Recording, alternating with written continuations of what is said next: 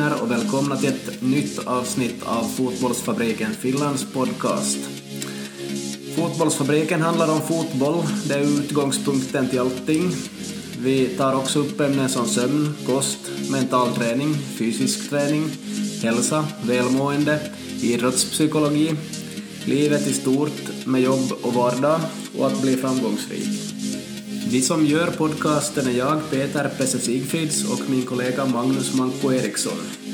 Vi är två lärare från Vasa som har sysslat med fotboll på olika sätt så långt bakåt vi kan minnas.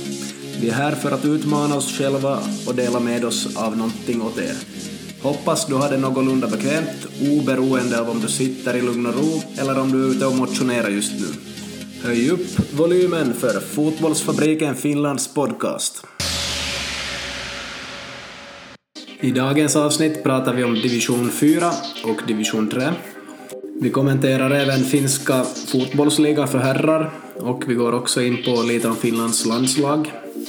Sen har vi massor med små korta ämnen som vi diskuterar kort. Det här är avsnitt 22.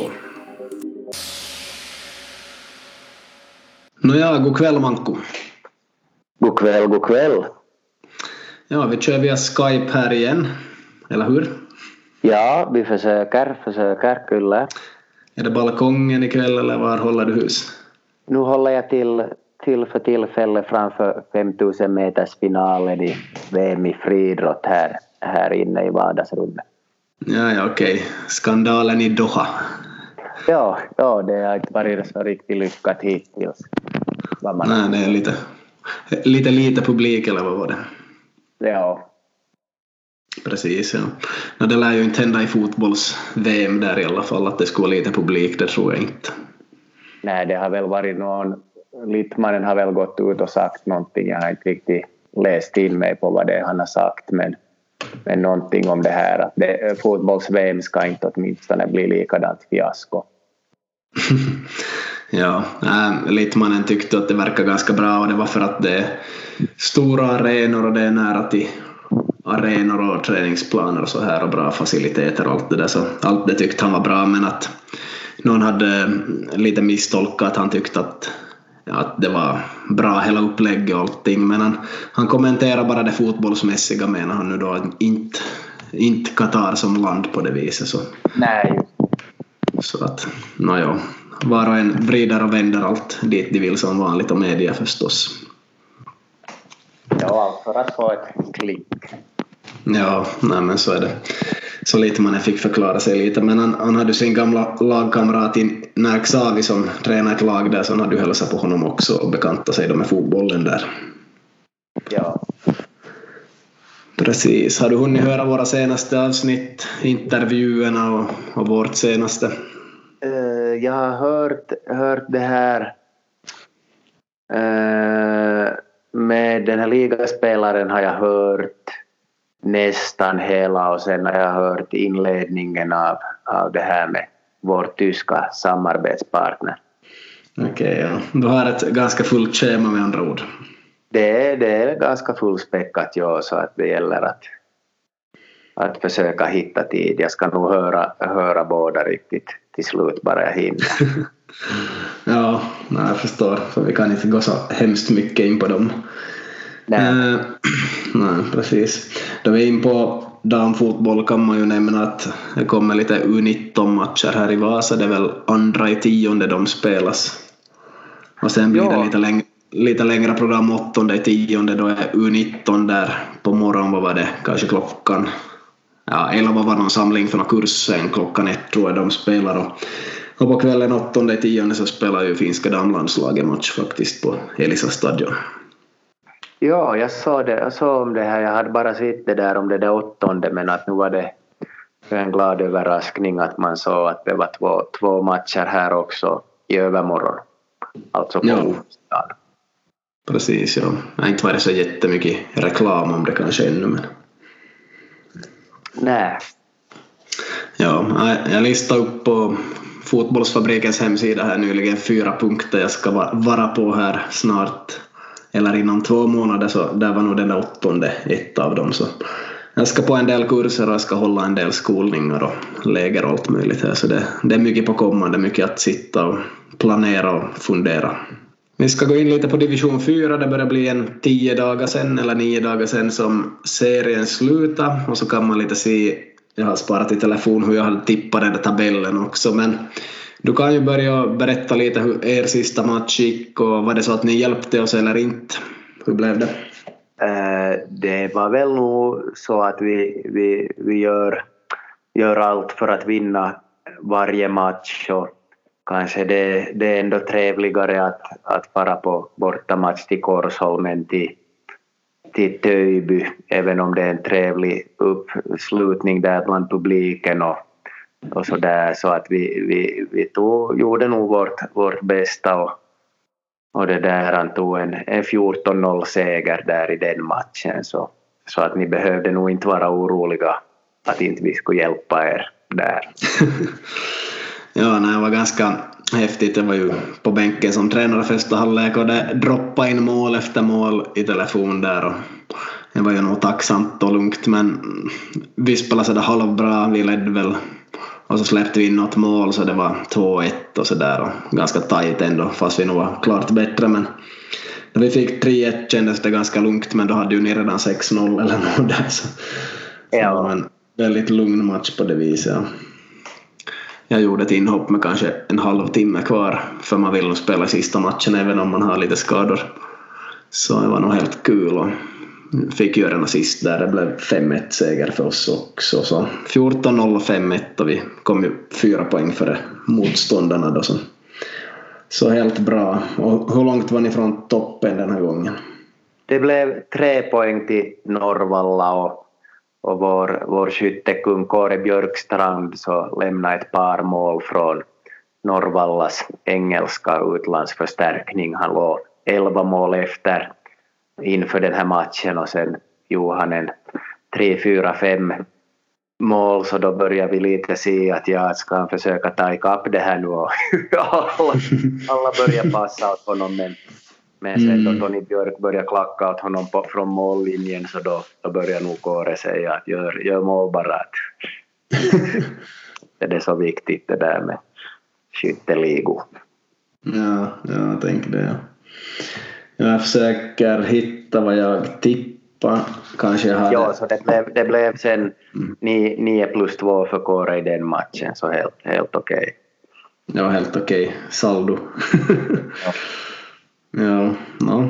man får ju bra passningar också om man gör så pass många mål. Ja.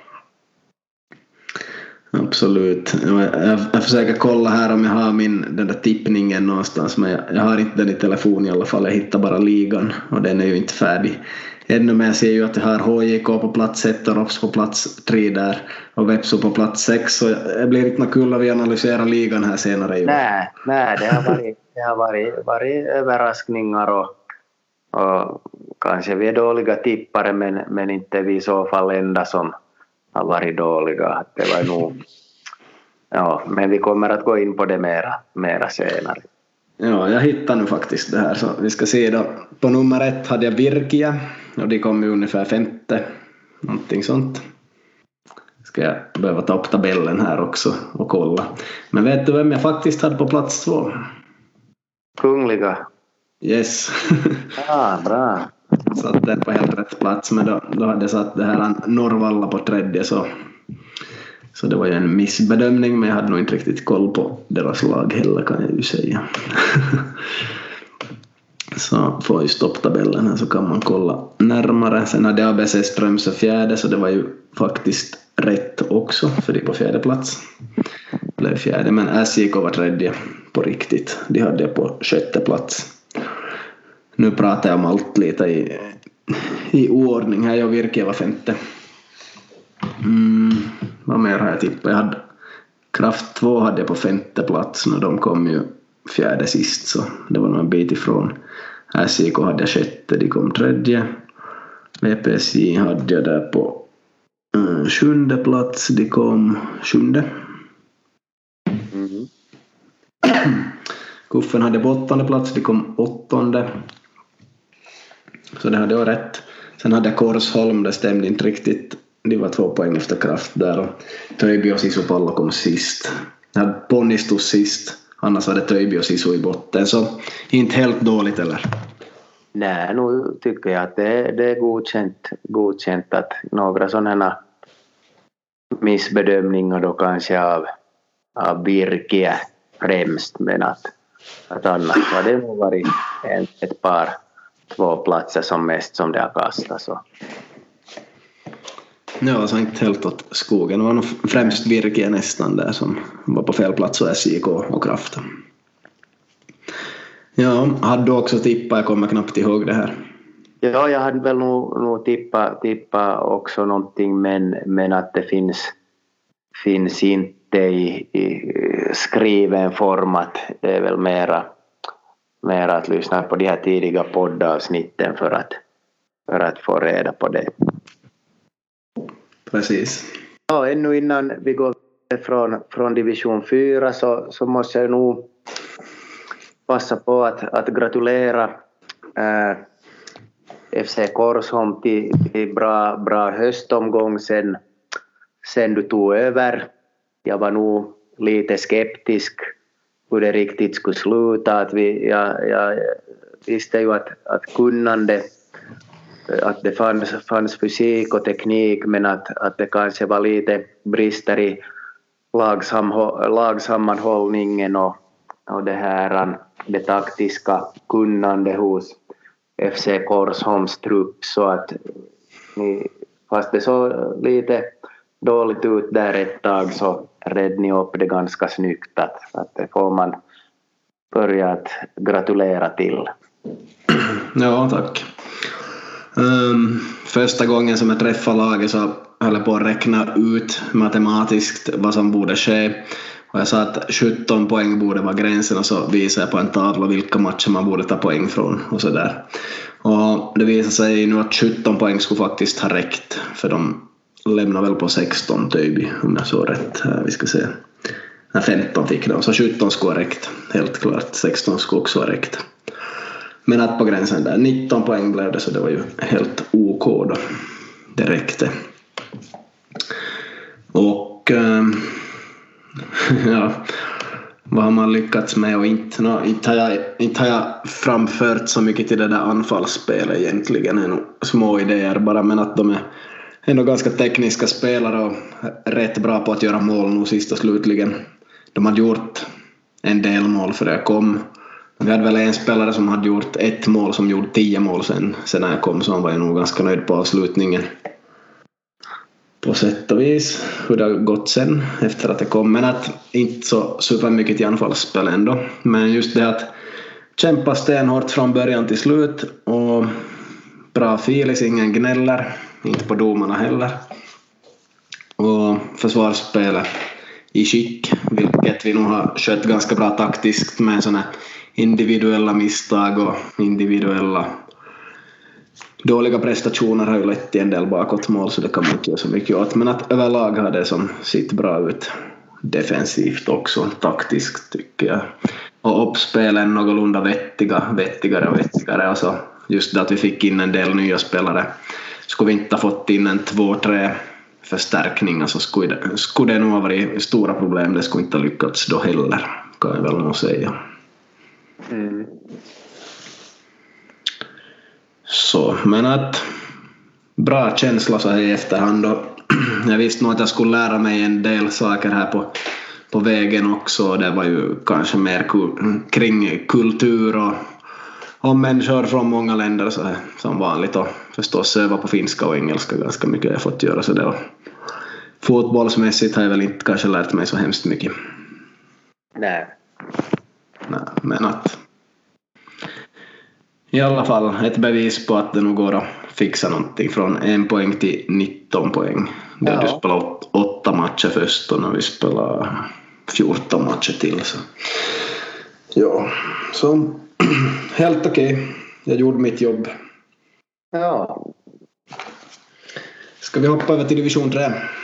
Vi kan göra det och det var ju sista omgången eh, här i helgen och Kisto vann mot Kraft om det var 3-1, ettan mot tvåan och Det visade sig att Kisto gick obesegrade ur seriespelet, vilket ju är förstås imponerande.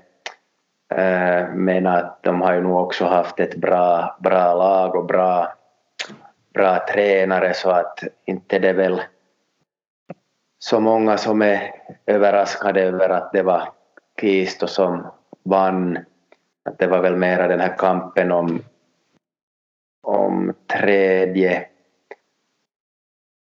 andra och tredje platsen som, som var mera spännande. Ja, och det är ju alltså Kista och Kraft har spelat färdigt alla andra ja, det var så, på lördag ja. ännu. Det finns ju ja, ja, ännu, ännu där i bottenstriden lite extremt intressanta matcher att se fram emot. Mm, ja. Jag måste bara skryta om min tippning då jag ser den här nu. Det är nästan rätt fyra första. så här såg min ut. Kraft, Kisto, Sif, Kaske. Och just nu ja. så är det bara Kraft och Kisto som ska byta plats där. ja. Ja, sen är resten ganska åt skogen säkert, men det, det får vi ta sen. Korsnäs har jag på rätt plats för tillfället, men, och kanske SM. Ja. Men att, ja, det blir intressant att se om en vecka det här. Ja, ska du berätta lite om, om förutsättningarna inför den här sista omgången? JJBK ska fara till Esse på bortamatch, visst är det så? Så är det och Esse har spelat riktigt bra på sistone och har 25 poäng, IBK har 17. De tävlar inte med varandra på något vis men att det blir hårt för IBK. De måste verkligen ge allt och hoppas att SE har en dålig dag, vilket inte är så ofta. Så nu gäller det att vinna där för Korsnäs och VPV möts också. och ett kryss i den matchen räcker inte för IBK om IBK förlorar. Så minst ett kryss behöver IBK och antagligen en vinst. Ja. Nej, det blir nog, blir nog spännande. Det var ju Korsnäs förlorade ju planenligt mot Kaskö här ganska stort också för några dagar sedan så att därav det här spännande utgångsläget. Ja, jag har faktiskt suttit i BK på sistone. Två matcher sedan var det ett sömnpiller mot Sundom. Riktigt tråkig match ofta. Det var en i gången per lag som sprang och resten såg på så det var lag så det var nog faktiskt inte så underhållande. SIF vann där med 2-1 var det väl. Sen har de ju mött VPV också på hemmaplan. Eh, VPV hade faktiskt bra fart på pressa riktigt hårt och ja, bra fart kan man väl säga och VPV har vunnit massa matcher på sistone och de hade väl en sju klara målchanser i första halvlek, kunde ha gjort mål på varenda en. Men de ja, fick de 1-0 i halvtid om jag minns rätt, eller kom det först sen? Det var 0-0 i halvtid tror jag. 1-0 kom riktigt där i början på andra halvlek. Och sen fick IBK in en nick där som blev 1-1. IBK hade spelat upp sig lite efter det där 0-1 målet. Men VPV gjorde ändå 2-1 där och och sett i 93 minuter var det ju väldigt rättvist att VPV vann. Men att jag vet inte. Emellanåt spelade IBK bra och med en beröring och det gick snabbt men emellanåt inte och det var nog, jag vet inte, det saknas lite explosivitet här och där i laget och VPV hade väldigt bra fart på så min tippning här är nästan att VPV kommer att slå Korsnäs och Korsnäs hamnar sist i tabellen och VPV går förbi IJBK om IJBK inte vinner över Esse. Men att såklart kan det gå på vilket sätt som helst här men att om jag måste tippa skulle jag säga så. Och ja, nej, inte kommentera hur JBK kommer att klara sig mot Esse borta. Det beror på det helg. Folk är hemma som kan känna sig i armén och sådär. Och, och, och Esse kan spela med avbytare den sista matchen men ja, jag vet inte hur de kommer att göra men att väldigt hårt för IBK. De har en fot i fyran som någon sa men att vi får se nu. Väldigt spännande lördag blir det. Mm. Yes.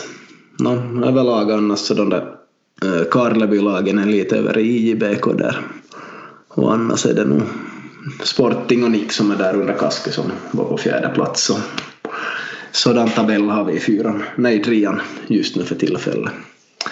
Men Kista till tvåan, det är häftigt och de har ett bra lag och VPSJ sjunker ju från tvåan till trean så kanske no, några av de spelarna kan spela i Kista nästa år så Kista kan få ett ganska bra lag i tvåan mitt i allt men ja, tvåan är tvåan, vi får se.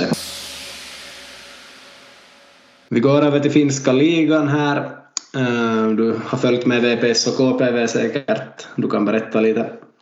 Ja, det är ju så att eh, VPS förlorar nu mot ROPS med 2-1 i Rovaniemi samtidigt som KPV vann över SJK i Seinäjoki och sen innan dess så vann också KPV eh, hemma mot ROPS samtidigt som VPS förlorar mot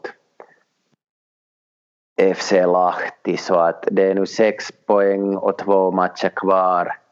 Så att det räcker med en poäng för KPV att säkra det här. Kvalplatsen och så möts också KPV och VPS i sista omgången så att hopp är ju det sista som ja nu ser jag här på damernas höjdhopp så det passar ju bra. Hopp är det sista som överger människan så att vi ska ju nog hoppas in i det sista. Nu har VPS hemma mot Helsingfors IFK på söndag så att, så att en vinst där så går vi nog för och sen blir det väl någon form av uppehåll efter det. Ja, ja. och och. No, men slå HIFK så ser man vad som händer. Ja, ja det, det där det är ju inte nu i kvalserien som som det här det har farit för VPS utan det är nog vill jag säga det här de här ekonomiska realiteterna som har kommit emot att det är inte riktigt skött på bästa sätt att jag har gått här nu och pratat om det här att var du på den här Brönnby-matchen hemma då för några år sedan att hur hade det kunnat gå, gå så här efter det att det blir mm. troligen att ta ny fart i, i division 1. Ja, no, vi ska återkomma ifall det blir så men sikta på en seger mot HIFK där och så hoppas jag att KPV förlorar sin match och så är det bara att slå KPV i sista matchen. VPS har två mål bättre målskillnad just nu än KPV i alla fall kan man nämna. Så hoppet finns. Ja. Absolut. Ja. Nej men annars så som jag sa att jag hade HIK på första plats och det är på femte plats. Det är Kupp som leder ligan med fyra poäng för Inter just nu så det helt spännande där för att se om Kupp ska vinna ligan. Ja, det skulle vara, vara de har ju inte vunnit på eh, vad man, vad man minns så att det skulle nog vara förstås bra med, bra med en ny vinnare. Så är det.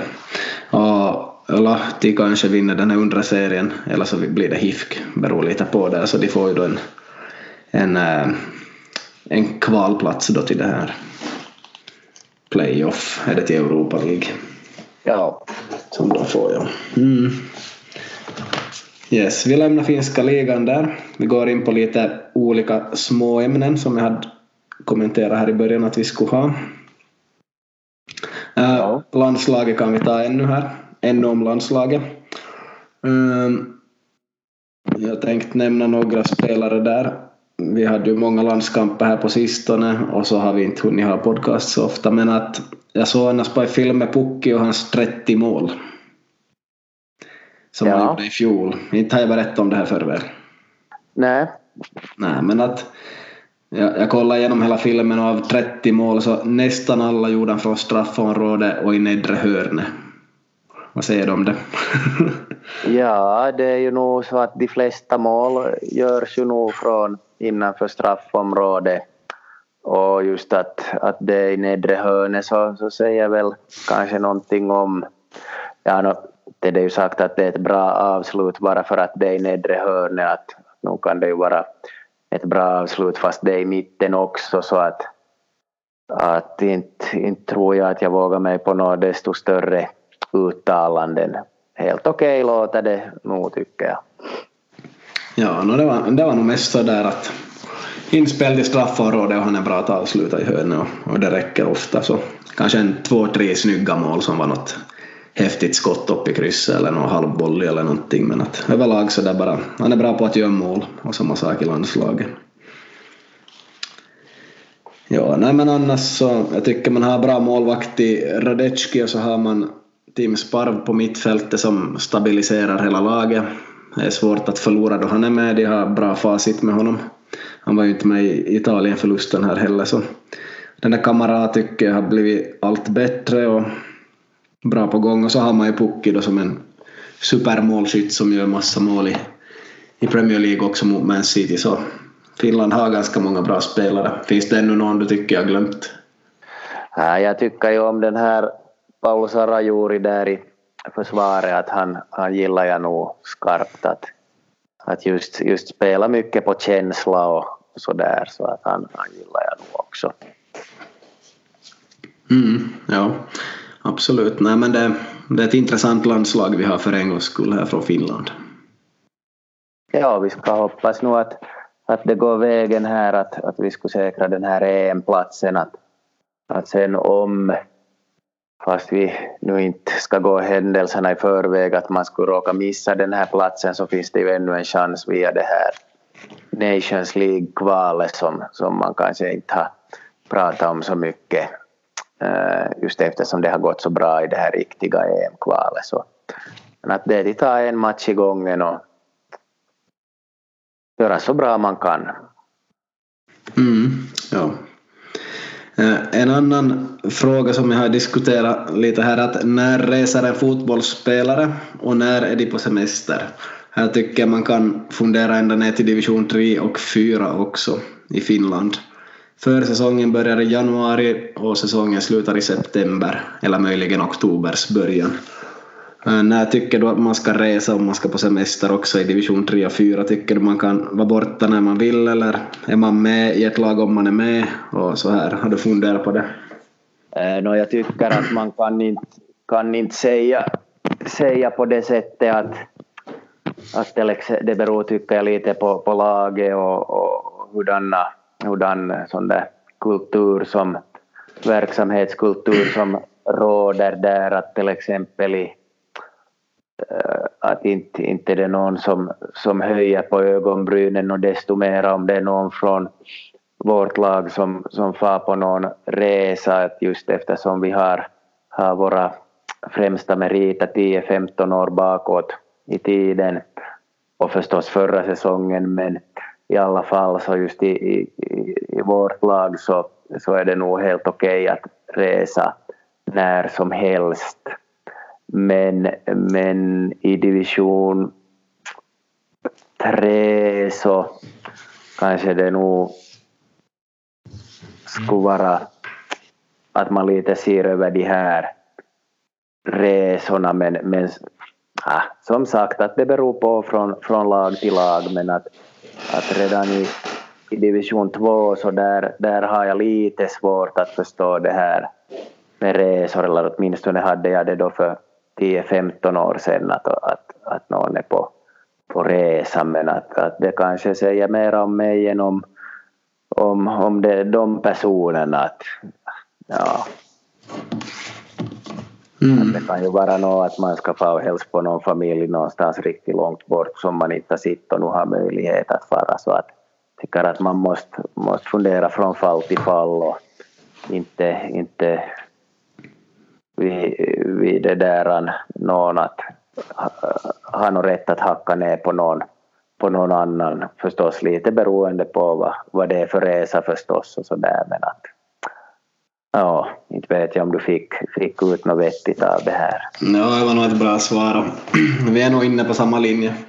Själv tycker jag att de här nöjesresorna måste man kunna planera in på julipausen.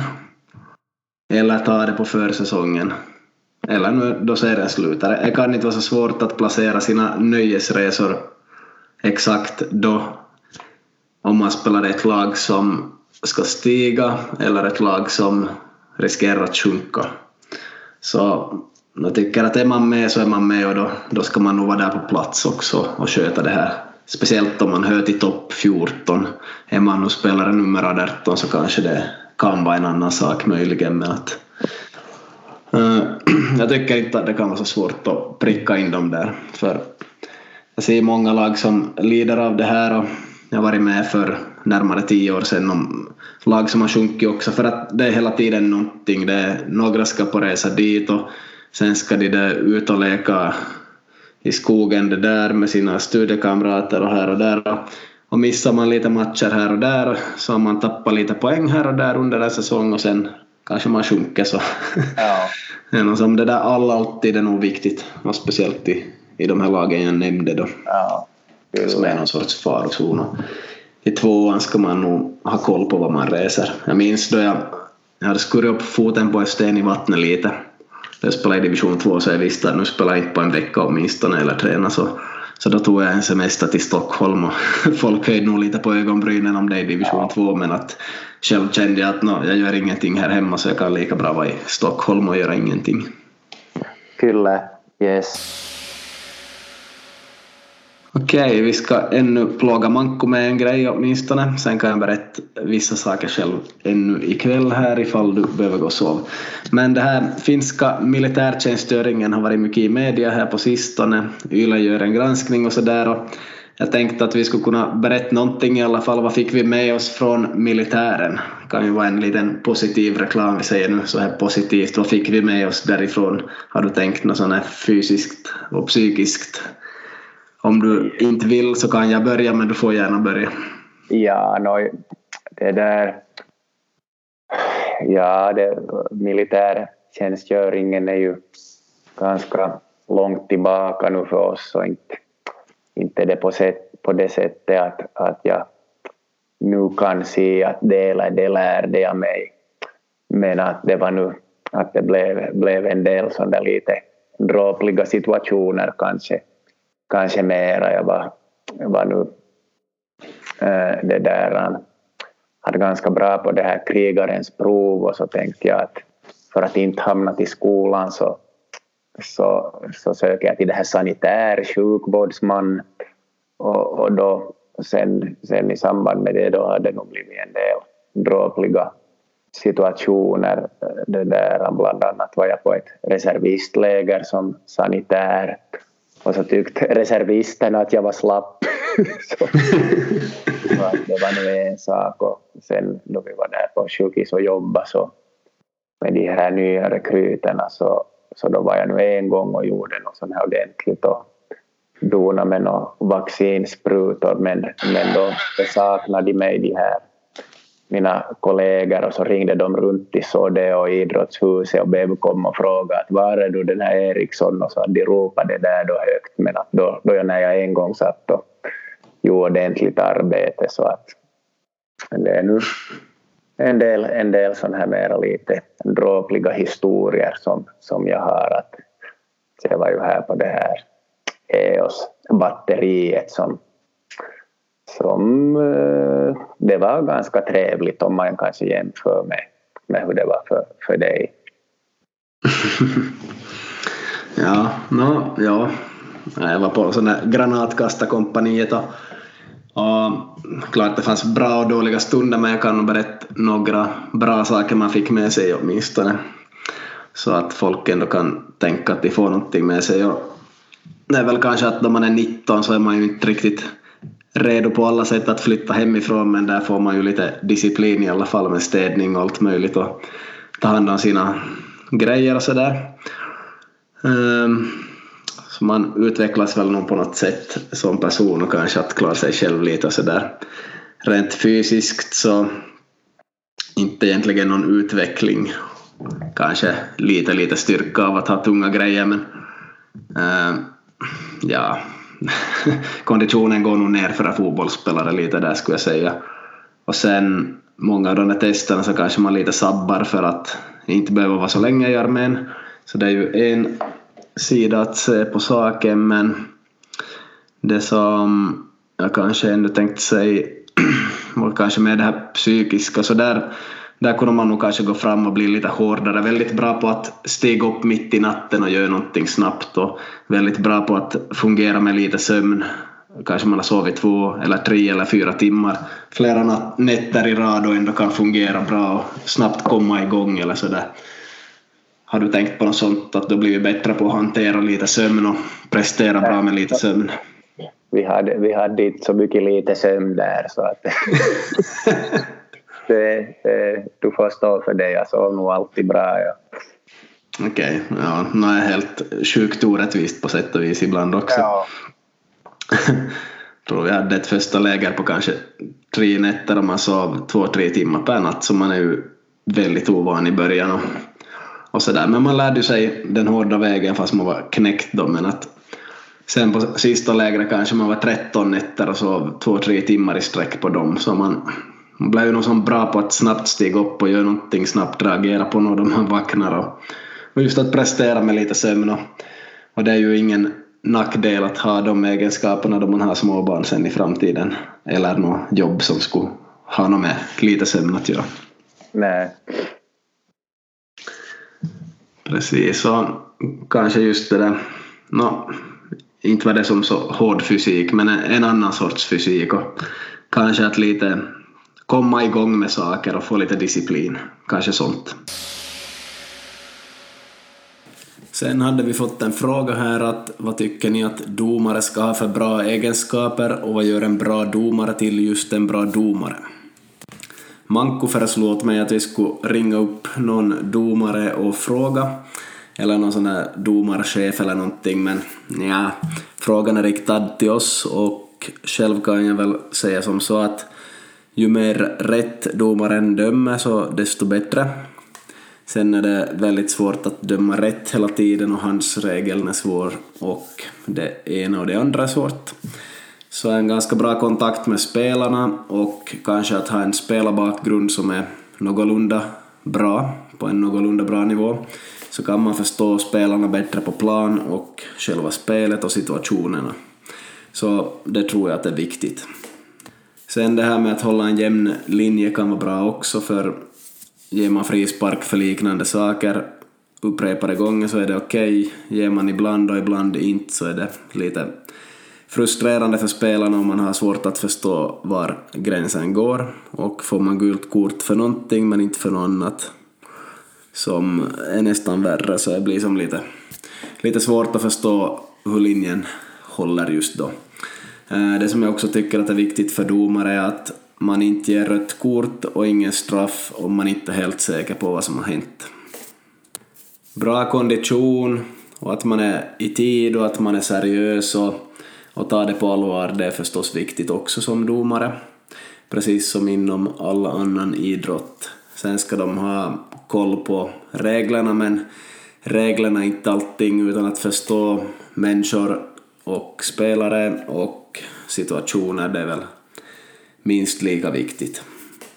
Sen kan jag ännu tillägga att det är ju ett väldigt, eh, väldigt eh, otacksamt yrke att vara domare, yrke eller hobby, för det är sällan någon som är nöjd med domaren om man inte har vunnit matchen.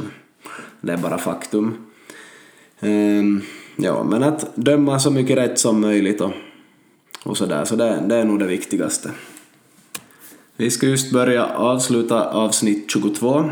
Kan ännu säga att både jag och Manko kämpar ganska hårt med att hinna med så mycket som möjligt de här dagarna som går just nu. Och vi har mycket på jobbet, vi har mycket utanför jobbet och sådär. Så vi kämpar med att inte få för, för stor sömnbrist också. Därför blir det inte ett desto längre avsnitt idag, men det kommer ett nytt nästa vecka.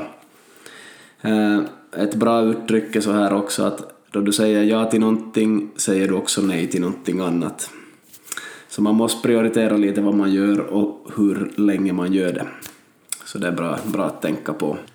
Avslutningsvis ännu så kan jag säga att det finns några viktiga datum på kommande.